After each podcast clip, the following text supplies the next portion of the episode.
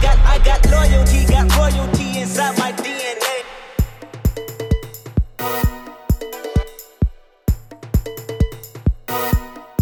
Ja, ik denk dat je die niet helemaal had aanzien komen.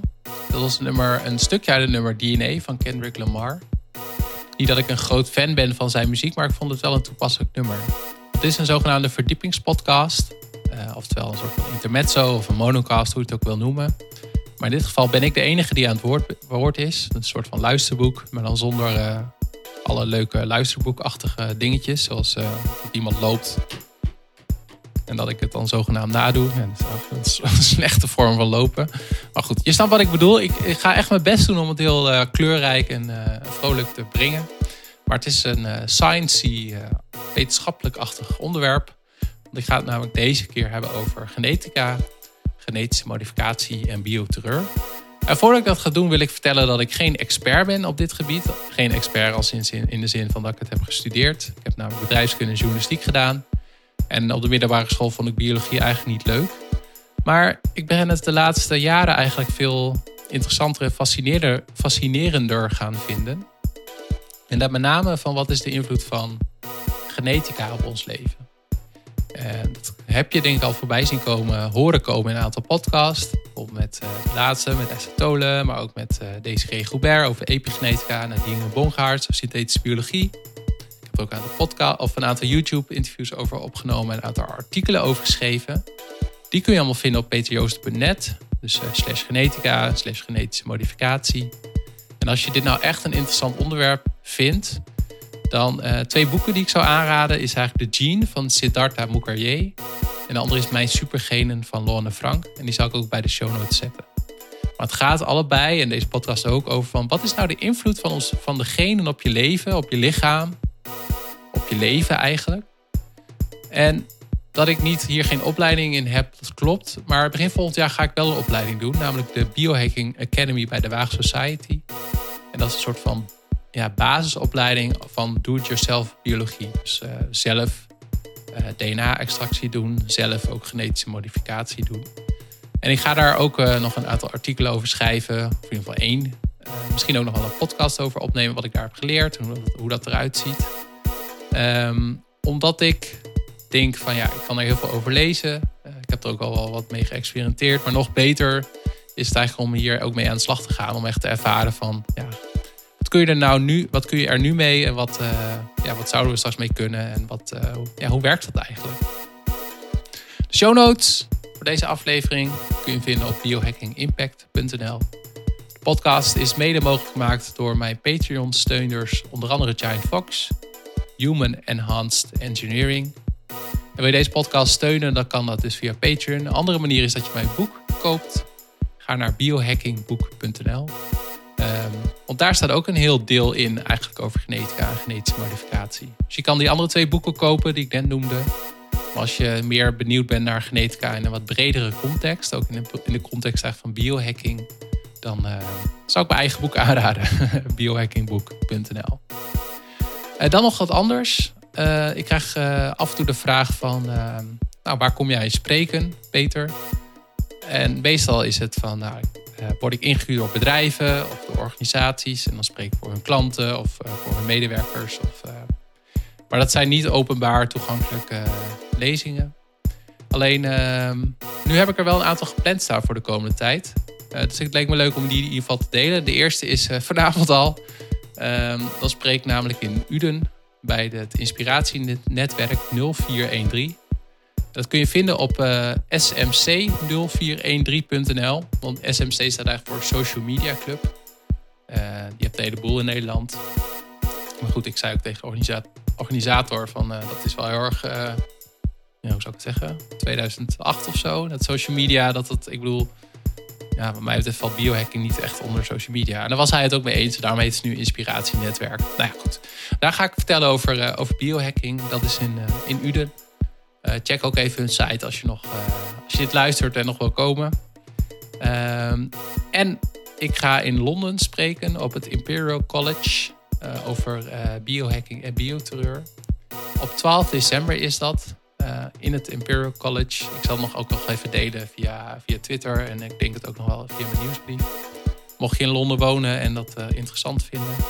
Het is ook een, eh, een verhaal voor de PhD's daar en ook voor.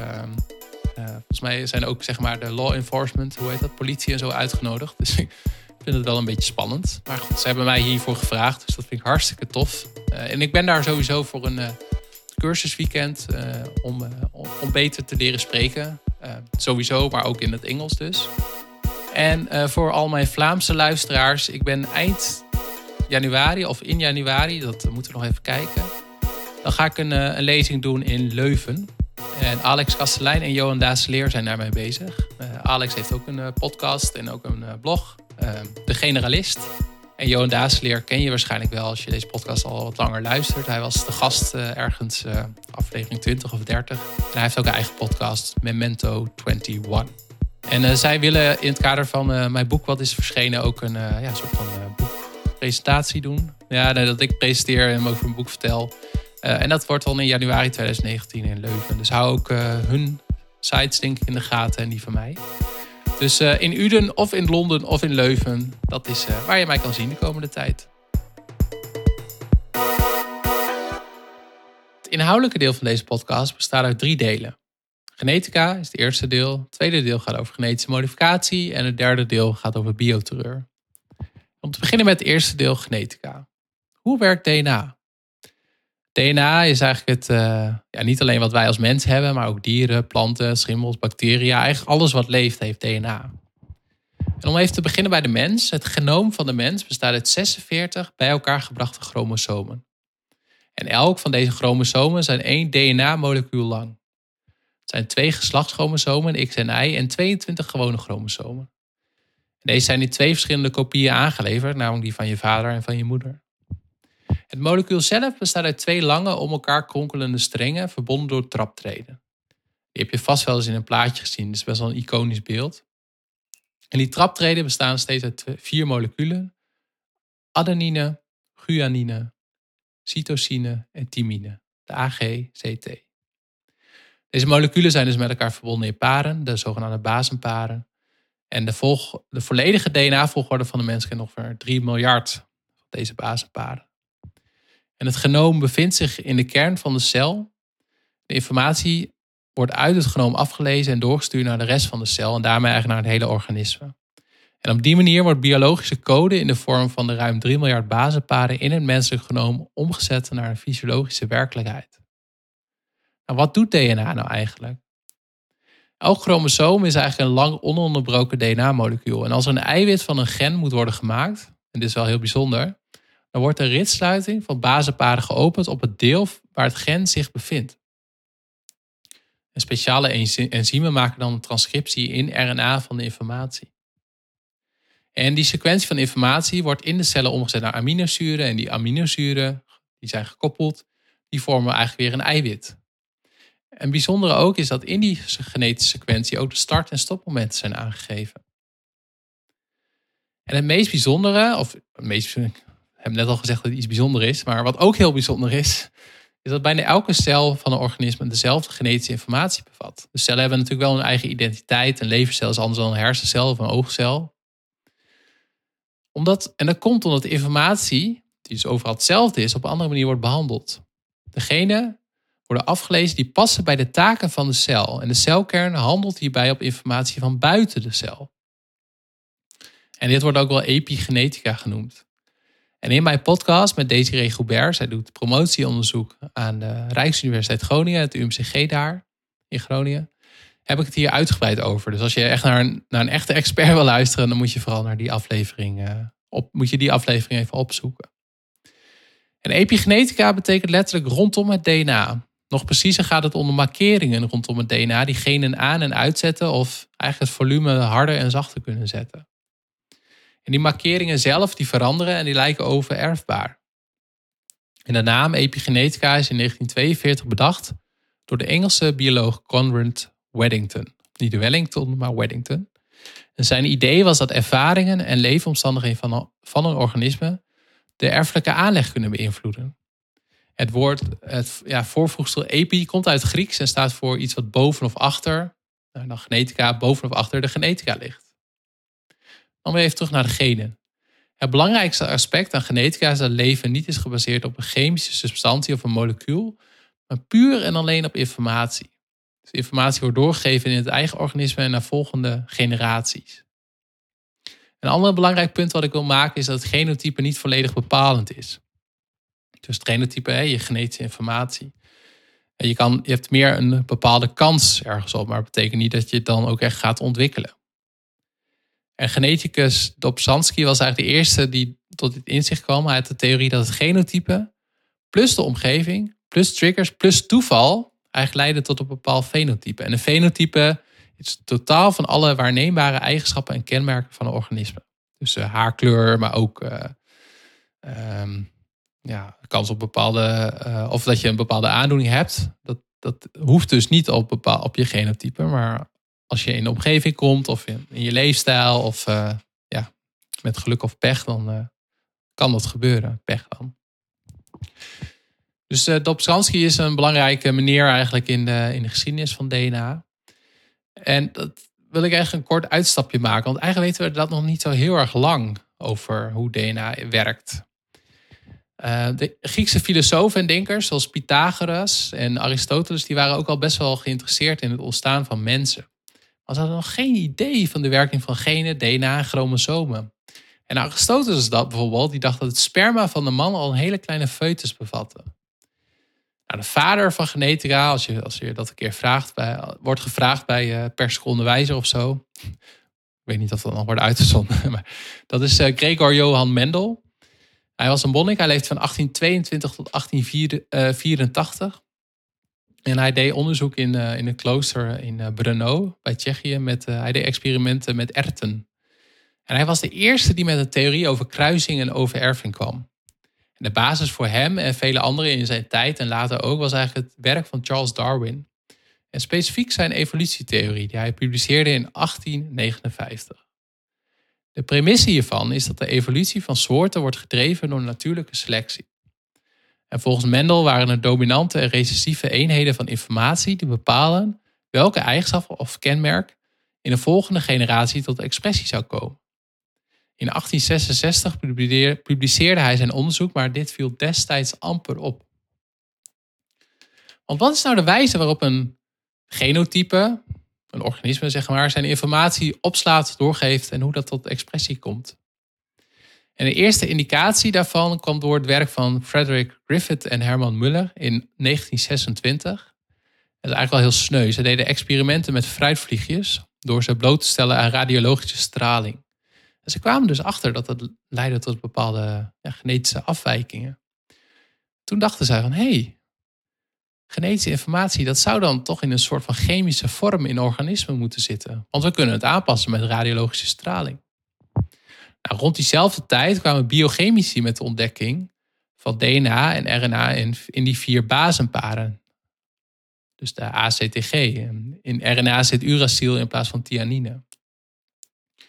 En pas in 1944 legde Oswald Avery de link tussen dat DNA en genetische informatie. Hij had de hypothese dat DNA en RNA wellicht wel eens de dragers konden zijn van genetische informatie. Want genen zorgen weer voor de vorming van bepaalde eiwitten en die zorgen weer voor bepaalde processen en daarmee voor bepaalde functies. Nou, echt een stap verder kwam eigenlijk het onderzoek van eh, James Watson en Francis Crick in 1953. En zij construeerden het iconische beeld nou van die dubbele helixstructuur van DNA en RNA en de AT en GC paren. En zij kregen ook in 1962 de Nobelprijs voor hun onderzoek. En daarna is er, heeft het onderzoek is eigenlijk ook wel doorgaande wetenschap, maar het volgende grote moment is in uh, 1989. Ik hoop dat ik niemand hier tekort mee doe, want er zijn al heel veel dingen gebeurd op dit terrein natuurlijk. Maar in 1989 werd het zogenaamde Human Genome Project opgestart. Het doel van dit project was om te komen tot een volledige beschrijving van een menselijk genoom. En met die technologie van die tijd werd dat echt gezien als een monumentale inspanning. De eerste ruwe versie van het genoom werd gepresenteerd in 2001. En dat was vier jaar eerder dan gepland. En dat was met de toenmalig president Clinton en de Britse eh, premier Blair. Die spraken over de Book of Life een van de meest grootste verrassingen eigenlijk voor wetenschappers over de hele wereld was dat er in de menselijke erfmassa maar 20 tot 30.000 genen zaten. Eigenlijk niet heel veel meer dan in andere dieren eigenlijk. Dat was eigenlijk een startpunt, want met de groeiende rekenkracht, door computertechnologie en informatietechnologie, dat uh, ook super hard gaat, ging en gaat. En heel veel datasets van vrijwilligers gingen wetenschappers onderzoeken wat de overeenkomsten en verschillen waren tussen mensen en bepaalde kenmerken en aandoeningen. En de, ja, de, de grote vraag is natuurlijk welke mutaties of verschillen leiden tot bepaalde eigenschappen of kenmerken. En de schatting is dat ongeveer 15 miljoen van deze mutaties voorkomen. De meest onderzochte mutaties heten een SNP. De naam SNP staat voor Single Nucleotide Polymorphism. Dus SNP eigenlijk, maar afgekort als SNP. En die zijn uh, gerangschikt in een database waarin promo, Promethease eigenlijk de meest bekende is. En dat is een online dienst waarin je eigen genetische informatie kan uploaden en kan vergelijken in de database. En uh, recent werd ik hier ook nog over geïnterviewd voor het NRC Handelsblad. En ik zal ook een link opnemen naar dat interview uh, in de show notes. Concreet voorbeeld, als je nu al helemaal de weg kwijt bent, is de snip RS1815739. Het getal RS staat eigenlijk voor de plek op het chromosoom, wat ik al in het begin uh, vertelde van dit deel. En dat, deze snip staat eigenlijk voor de aanleg die je hebt voor de lengte van spieren. En mensen met CC op, hebben eigenlijk meer voor, aanleg voor sprinten. Mensen met TT hebben meer aanleg voor duursport. En ik heb CT, eigenlijk een mix. Um, dus ik heb dat gekregen van mijn ouders. Uh, dus ik heb de aanleg niet om heel erg goed te sprinten, maar ook niet om een super endurance atleet te zijn. En dat is zeg maar voor het voorbeeld van wat je met genetische informatie kan doen. Maar zoals ik al eerder zei, wat Dobzhansky ook al uh, ja, had geformuleerd, is dat genetische informatie een soort van basiscode is, een bouwtekening, maar dat dat niet hoeft te betekenen dat het dan uitkomt. En dat is nog best wel lastig, want uh, als het om bepaalde dingen gaat, zoals huidskleur of, uh, dat is natuurlijk heel simpel, uh, kleur van de ogen of kleur van de van het haar, dan is dat allemaal niet zo heel moeilijk. Maar met name als het over sport gaat of zelfs persoonlijkheidskenmerken. Er zijn ook bedrijven die zeg maar aanbieden dat ze uh, DNA-analyses gebruiken voor leiderschapsontwikkeling. Kijk, dan wordt het ook wel veel interessanter. En daar ja, verschillende meningen binnen de wetenschap ook wel over ja, wat je nou met die data kan. En een belangrijk punt wat eigenlijk ook in het NRC-artikel kwam van ja, in welke mate moeten we dat overlaten aan mensen? Ehm, om zelf die analyses te doen. Ik ben het daar op zich wel mee eens. Ik denk, ja, je moet ook niet te belerend zijn in uh, van je mag deze informatie niet zonder een expert bekijken. Maar het is wel iets om rekening mee te houden. Dus ook als je zelf besluit om een DNA-test te doen, uh, dat je goed realiseert van, nou, dat je er wel even tijd voor moet nemen om een beetje te snappen hoe het werkt. En uh, in de meest gangbare van dat soort analyses, 23andMe of Omnigen, ja, kom je een heel eind. Maar ik heb bijvoorbeeld gemerkt dat Promethease is echt wel een soort van level 2. Dan kun je nog veel meer informatie eruit halen. Maar dan, ik ben nog steeds, voor mij is dat steeds wel een soort van zoektocht van, ja, wat kan ik hier nou mee en hoe moet ik het toepassen, uh, et cetera. Dus maar dat we nog niet heel veel weten, maar dat, en dat het heel fascinerend en bijzonder is, dat hele stelsel en werking van uh, genetica, dat staat voor mij als een paal boven water.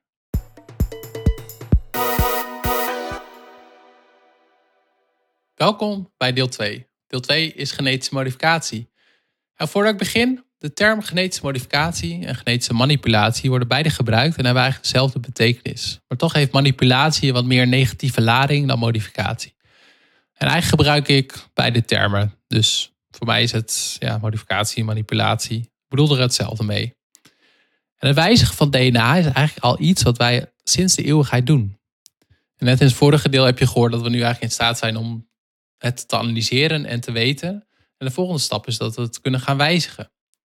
Maar dat we het als eeuwigheid doen, denk je van, hè, hoe komt hij daar nou bij? Nou, denk bijvoorbeeld aan het veredelen van rassen of het fokken van dieren. Het gaat eigenlijk om het doorgeven van het beste DNA. En eh, ook in de wetenschap doen we dat al een tijdje. Uh, methoden daarvoor zijn uh, talen of zinkvingers. Daar zal ik het niet over hebben, maar de meeste bekende techniek op dit moment, en dat lees je vast wel over in magazines of in de krant of blogs, en is ook al een paar keer in deze podcast gevallen, is de techniek CRISPR-Cas9. als je benieuwd bent naar weet je hoe dat werkt en de achtergrond daarvan, raad ik je ook aan om de podcast met Nina Bongaert over synthetische biologie te luisteren, waarin zij ook uitlegde En ik ook aan haar vraag van, nou, is dan de volgende CRISPR-Cas10 en was de vorige CRISPR-Cas8? Maar er zit een, uh, zit een reden aan. Maar voordat ik vertel hoe het werkt, leg ik eerst uit hoe, hoe eigenlijk CRISPR-Cas9 is ontdekt. Want dat is nou ook wel een mooi verhaal, vind ik. Want in de lente van 2011 ontmoette onderzoeker Jennifer Doudna en bacteriolist Emmanuel Jean-Mathieu, Franse, elkaar op een congres over bio, uh, microbiologie in Puerto Rico. Het, geval, het verhaal gaat dat ze tijdens de lezingen door samen een wandeling maakten door de stad San Juan. En Charpentier vertelde Doudna over haar onderzoek naar een immuunsysteem van bacteriën. Bacteriën moeten zich namelijk beschermen tegen virussen. En die zijn er echt al veel langer dan wij er als mens zijn. Dus virussen hebben genetische mechanismen ontwikkeld om bacteriën binnen te komen en te vernietigen. een paar jaar eerder waren twee Franse onderzoekers, Philippe Horvat en uh, Rudolf Barangou van de Deense voedingsfabrikant Danisco, een van de beschermingsmechanismen van bacteriën tegen die virussen eigenlijk uh, kwamen ze op het spoor. En ze deden dat omdat ze onderzoek deden naar bacteriën die konden helpen bij het maken van kaas en yoghurt. Een aantal van deze bacteriestammen, zo ontdekten ze, konden heel gericht een deel van het DNA van het virus uitschakelen. Dat afweersysteem wist ook welke virussen vaak gingen aanvallen en konden vervolgens een heel specifiek deel van het DNA van het virus vernietigen. In de documentaire die tegenlicht maakte over CRISPR-Cas9, met uit mijn hoofd de met DNA. Eh, ik zal ook een link in de show notes stoppen. Wordt ook de Nederlander John van der Oost geïnterviewd. En in 2008 deed hij aan de Wageningen Universiteit onderzoek naar het CRISPR-mechanisme in bacteriën. En hij kwam het eerder op het spoor toen hij rond 2000 onderzoek deed naar een microbe uit een vulkanische bron uit het Yellowstone Park in Noordwest-Amerika. En hij zag een patroon. De genetische letters hadden van links naar rechts dezelfde volgorde als andersom. En als je Neerlandicus bent of daarin geïnteresseerd bent, uh, ik was het niet, maar tot ik er daar weer op werd gewezen in het artikel. Want dat is, zijn namelijk zogenaamde palindromen. Uh, net als het woord racecar. Dus dan kun je van achter naar voor lezen en voor naar achter en dan staat er hetzelfde. Denk er alles maar even over na. Want in 2000 uh, bedacht de Nederlandse onderzoeker Ruud Jansen ook de term CRISPR, wat staat voor Clustered Regularly Interspaced Short Palindromic Repeats. Nou, ik ga het niet herhalen, maar je kan het googlen. Maar daar staat dus dat palindroom in. En leuk is dat in een artikel in de Groene Amsterdammer geeft Van der Oost ook aan dat hij de impact niet direct door had. Hij zegt van het was een grappig verschijnsel, maar de biologische relevantie had ik eigenlijk, hadden wij helemaal geen idee van. Nou ja, dat was een kort uitstapje naar wat wij als Nederlanders met CRISPR-Cas9 te maken hebben gehad. Ehm, misschien zijn er nog wel meer. Um, maar nog even terug, terug naar CRISPR-Cas9. Het afweersysteem van bacteriën bestaat uit twee delen. Het eerste deel is de zoeker. Dat is eigenlijk het RNA in het genoom van de bacterie. Dat, dat is een soort van spiegelbeeld van het DNA van het virus. En in het boek The Gene van uh, schrijft Mukerje dat het net is alsof je met de pasfoto van je grootste vijand rondloopt. En zodra het DNA van het aanvallende virus wordt herkend, dan wordt het bacteriële eiwit Cas9 vrijgelaten. En dat is als het ware de vernietiger. Dus je hebt de zoeker en de vernietiger. En de zoeker die werkt als volgt. En Doudna zegt hierover: de moleculaire machine wint zich strak om het DNA, als een python rond het lijf van een gazelle. Cascade werkt als GPS-coördinaten die precies aangeven welk deel van het viraal DNA vernietigd moet worden. En Doudna was echt gefascineerd door het principe van zoeker en vernietiger toen ze erover las. zij was gespecialiseerd in onderzoek naar de werking van RNA. En in het begin vond ze dat vooral eigenaardig. Het schijnt zelfs dat ze heeft gezegd: dit is het meest obscure ding waar ze ooit aan heeft aan gewerkt. Nou, waarschijnlijk levert haar het ooit een eh, Nobelprijs op. Dus in, na dat gesprek in uh, San Juan in Puerto Rico ging ze samen met Charpentier doken ze toch dieper in de werking van het bacteriële afweersysteem. En in 2012 kwamen ze achter dat het systeem programmeerbaar was. Ze konden de zoeker en de vernietiger aanpassen. Daarbij was het dus niet alleen meer geschikt voor bacteriën en virussen, maar kon je het ook toepassen op andere dieren, planten en wellicht ook op mensen. In eerste instantie probeerden ze het eiwit Cas9, maar dat was veel te, te, te ruw. En uiteindelijk bleek Cas9, daar komt dus Cas9 vandaan, het meest beheerst en bruikbaar te zijn. En die combinatie die was briljant. Charpentier zegt, dit was het perfecte bacteriële wapen. Een viruszoekende raket die snel en met ongelofelijke precisie kon toeslaan. En zij ziet ook de paradox hiervan. Wij gebruiken eigenlijk een evolutionair mechanisme om de, evo ja, de evolutie aan te passen. En wat gebeurt er eigenlijk als het DNA wordt aangevallen en vernietigd? Dan, gaan de twee einden van het overgebleven DNA komen los en die worden bijgesneden. Maar genen zijn zo ingericht dat ze zichzelf willen herstellen. En meestal maken ze daarvoor een kopie van een vergelijkbare gen in het cel. In de cel moet ik zeggen. Maar wat dan zo als de cel op dat moment ook volstroomt met ander DNA? Dan is de kans heel groot dat de beschadigde gen de informatie van een van deze genen gaat kopiëren. Dus net als je een woord in de gum uitgumt en daar een nieuw woord voor in de plaats schrijft. En deze techniek wordt genome editing of genome surgery genoemd. Doudna en Charpentier publiceerden hun onderzoek over CRISPR-Cas in Science in 2012. En die publicatie die sloeg echt in als een bom. En in de jaren daarna groeide de toepassing van deze techniek explosief. Het heeft wel beperkingen, maar CRISPR-Cas was echt significant makkelijker, krachtiger en efficiënter om genen te bewerken dan andere technieken, zoals die ik net noemde, um, Sync Fingers, die tot nu toe beschikbaar waren. Er zijn nog een heleboel dingen die nog verder moeten worden uitgezocht en ontwikkeld moeten worden hoor. Dus zoals het eh, gebruik van CRISPR om de transcriptie van DNA naar RNA te wijzigen of het epigenoom te, te bewerken, wat ik net zei. Want het epigenoom heeft ook invloed op de transcriptie. Maar goed, wetenschappers zijn echt lyrisch over de mogelijkheden. Ze spreken ook over de golden age of genetic engineering. En ze denken dat deze techniek en haar opvolgers, want het stopt hier niet hè, met CRISPR-Cas9, het is wel een kans dat er weer iets komt wat nog beter is, dat die allemaal drastische invloed gaat hebben op allerlei domeinen van de gezondheidszorg, farmacie, milieubehoud, eh, productie van voedingsmiddelen, het onderwijs, de overheid, de maatschappij. Jennifer Doudna heeft ook een boek geschreven. En ik zal dat boek uh, uh, ook opnemen in de show notes, linkje daarvan. Zij zegt: CRISPR heeft een ongelooflijke potentie om de wereld te verbeteren. Stel je voor dat je genetisch de meest ernstige erfelijke ziekten kunt uitbannen, net als vaccinaties het einde maakt aan de pokken en straks ook polio. Stel je voor dat duizenden onderzoekers CRISPR gebruiken om een gezel van kanker te onderzoeken en tot nieuwe behandelingen of zelfs genezing te komen. En stel je voor dat boeren, telers en kwekers de voedselcrisis oplossen door een gewas met CRISPR beter bestand te maken tegen het veranderende klimaat. Deze scenario's kunnen binnen handbereik liggen, afhankelijk van de keuze die we in de komende jaren maken. En in een artikel in Fox werd aan een groep wetenschappers gevraagd welke toepassingen zij het meest enthousiast waren, waarover.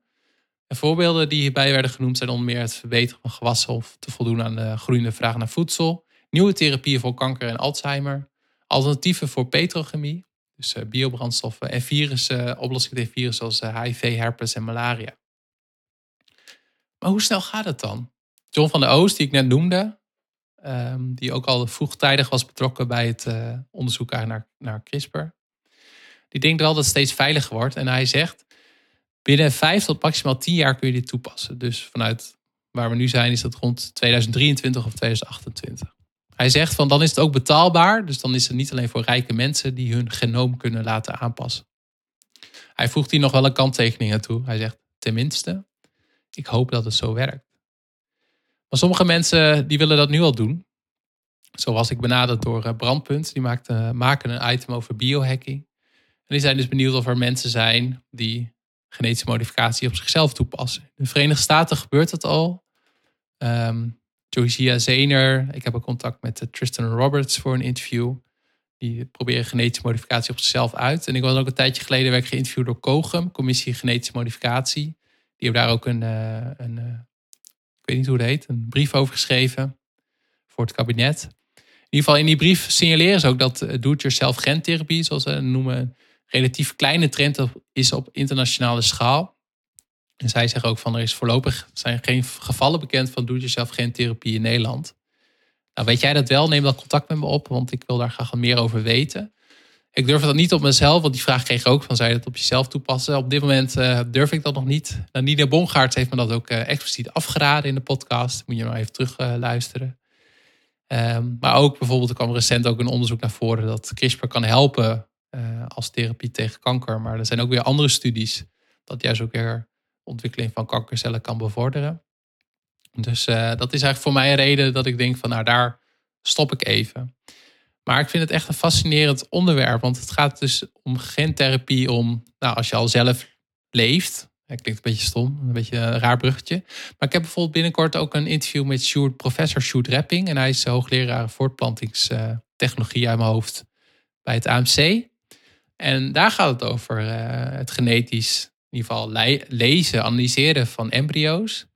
Maar ook willen we op een gegeven moment ook uh, gentherapieën aan uh, toepassen bij embryo's. Dus dan heb je, gaat het wel heel snel ook over designer baby's, et cetera.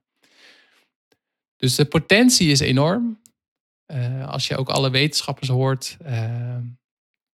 En de vraag is van, ja, wat gaan we hiermee doen? En is het echt zo veelbelovend als het eruit ziet? En hoe gaan we voorkomen, denk ik, dat mensen het ook op zichzelf toepassen en dat het slechte effecten heeft? Dat het mis kan gaan, bijvoorbeeld. En natuurlijk gaan mensen het misschien gebruiken om oorlog te voeren. En daar gaat het laatste deel over.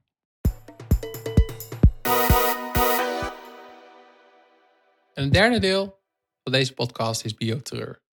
En zoals je zult merken is dit iets minder um, al helemaal uitgedacht. En dat komt niet alleen door mezelf. Uh, want eh, rondom genetica en genetische modificatie heb ik al eerder artikelen geschreven en podcast opgenomen. En YouTube-video's gemaakt. En dat geldt niet voor bioterreur, omdat het redelijk nog onbekend is.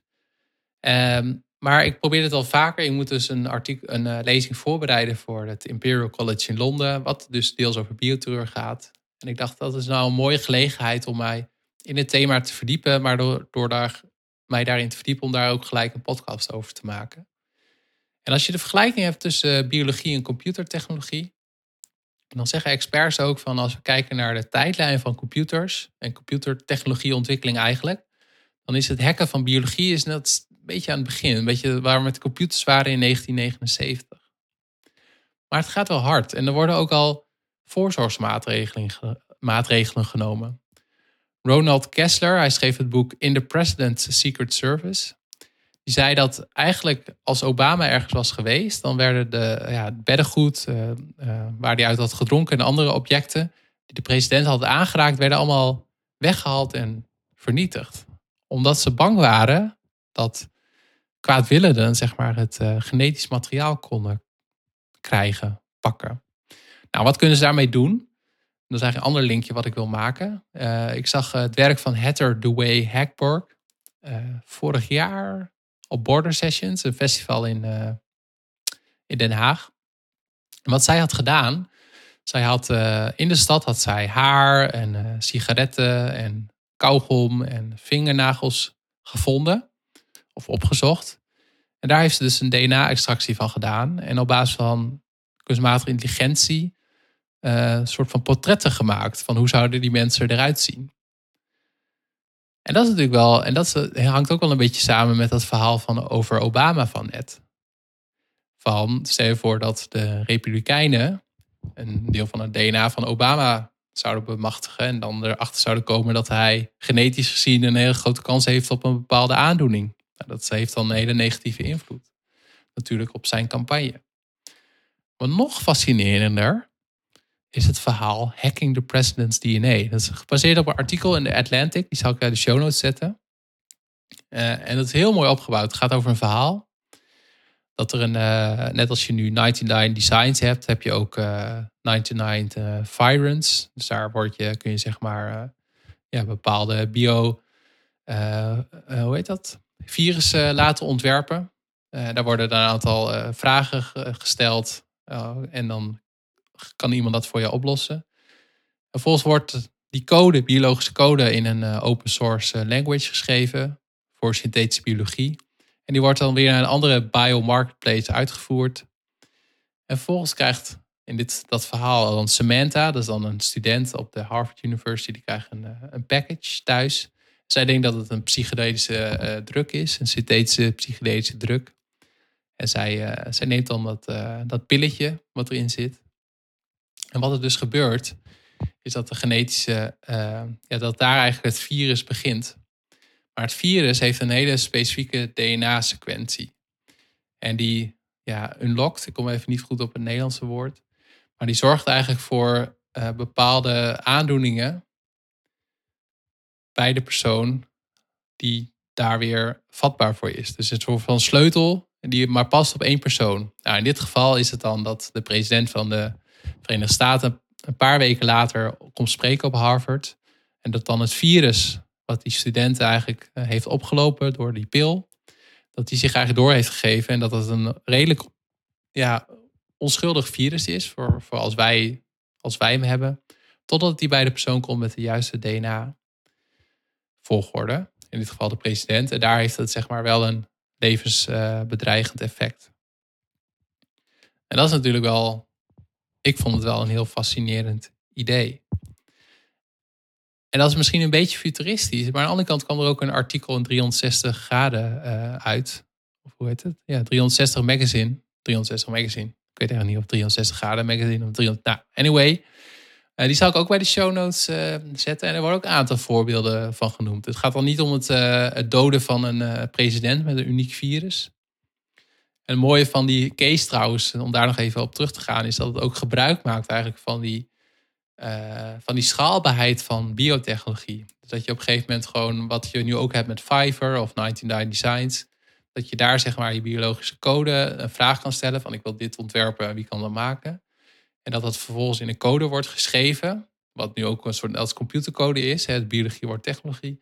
En dat het vervolgens op een andere, um, ja, op een andere, uh, ergens anders uitgevoerd kan worden. En dat gebeurt nu ook al. Hè? Dus je kan ook ja, je DNA, bepaalde DNA kun je gewoon bestellen en wordt dan gewoon thuis bezorgd. Dus zo futuristisch is het niet. Nog wel van ja, hoe kan dan, hoe kun je dan een, eh, een, virus ontwikkelen die dan wel kan overspringen? En hoe weet je dan zeker dat het een dodelijk effect heeft? Maar ze hebben wel echt, uh, ik vind het fascinerende. En die Mark Goodman heeft het artikel geschreven samen met Andrew Hassel.